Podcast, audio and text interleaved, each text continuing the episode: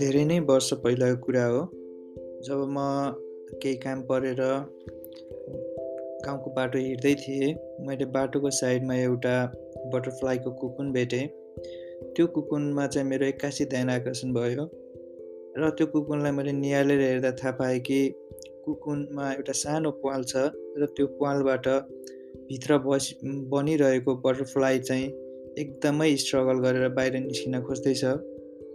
र मैले उसलाई चाहिँ एक एकछिनसम्म निहालेर हेर्दै गर्दा लाग्यो उसलाई निकै नै गाह्रो भयो जस्तो फिल भएर सहयोग गरौँ न त भन्ने हिसाबले उसको त्यो कुकुनलाई मैले च्यातिदिएँ र बटरफ्लाई बाहिर निस्कियो।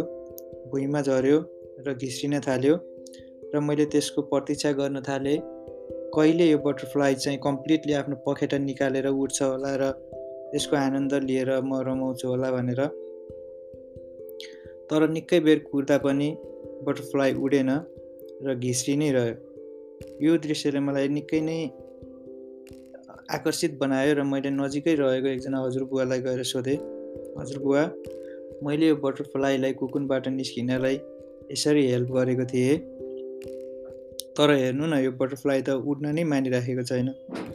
र मेरो यो प्रश्नको जवाफमा हजुरबुवाले मलाई सम्झाउँदै भन्नुभयो तिमीले यसलाई हेल्प त गर्यौ तर तिमीले थाहा पाउनु पर्थ्यो कि बटरफ्लाई बन्नलाई जुन यो लार्भा छ लार्भाबाट बटरफ्लाई बन्नलाई कम्प्लिट एउटा ब्युटिफुल बटरफ्लाई बन्नलाई चाहिँ उसले जुन त्यो निस्किरहेको स्ट्रगल फेज छ त्यो फेज पार गर्न नै पर्थ्यो। तर तिमीले त्यसलाई इन्ट्रप्ट गरेर बिचैमा यसलाई सजिलोसँग बाहिर निकालिदियौ। त्यसको कारणले गर्दा उसको जुन त्यो भद्दा शरीर छ जुन फ्लुइड छ उसको भित्रको त्यो निस्किन पाएन र उसको पखेटा राम्रोसँग फिजाउन पाएन। सो अब ऊ कहिले नै उड्न सक्दैन। So instead of helping him तिमीले चाहिँ उसको लाइफ डिस्ट्रोइड गर्यौ भनेर मलाई भनिरहँदा गर्दा मैले चाहिँ एउटा के कुरा थाहा पाएँ भने हामीले गरेको हेल्प अथवा हामीले लिएको हेल्प चाहिँ सधैँ नै हाम्रो लागि बेनिफिसियल हुन्छ भन्ने कुरा छैन। So there are certain points in our life where we have must go through the struggle होइन? जुन त्यो एउटा स्ट्रगल फेज हुन्छ त्यो स्ट्रगल फेजबाट हामी गुज्रिनु नै पर्छ in order to be a successful person हामीले सोचेको हामीले खोजेको पाउनलाई हामीले केही न केही स्ट्रगलको थ्रुबाट जानु नै पर्छ सो हाम्रो हरेक प्रब्लमलाई चाहिँ हामीले आफैले सल्भ गर्नु जरुरी छ। सकेसम्म आफूले नै सल्भ गर्नुपर्ने हुन्छ सक्सेसफुल बन्नको लागि भन्ने कुरा चाहिँ मैले यो स्टोरीबाट थाहा पाएको थिएँ।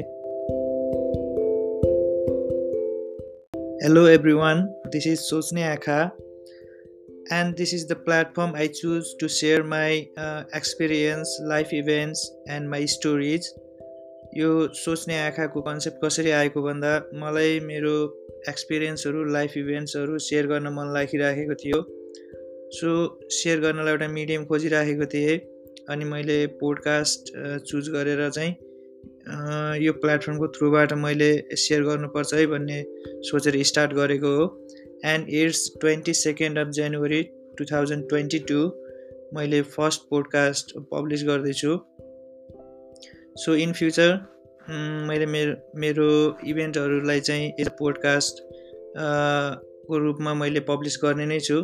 So, mm, see you in next podcast. Thank you.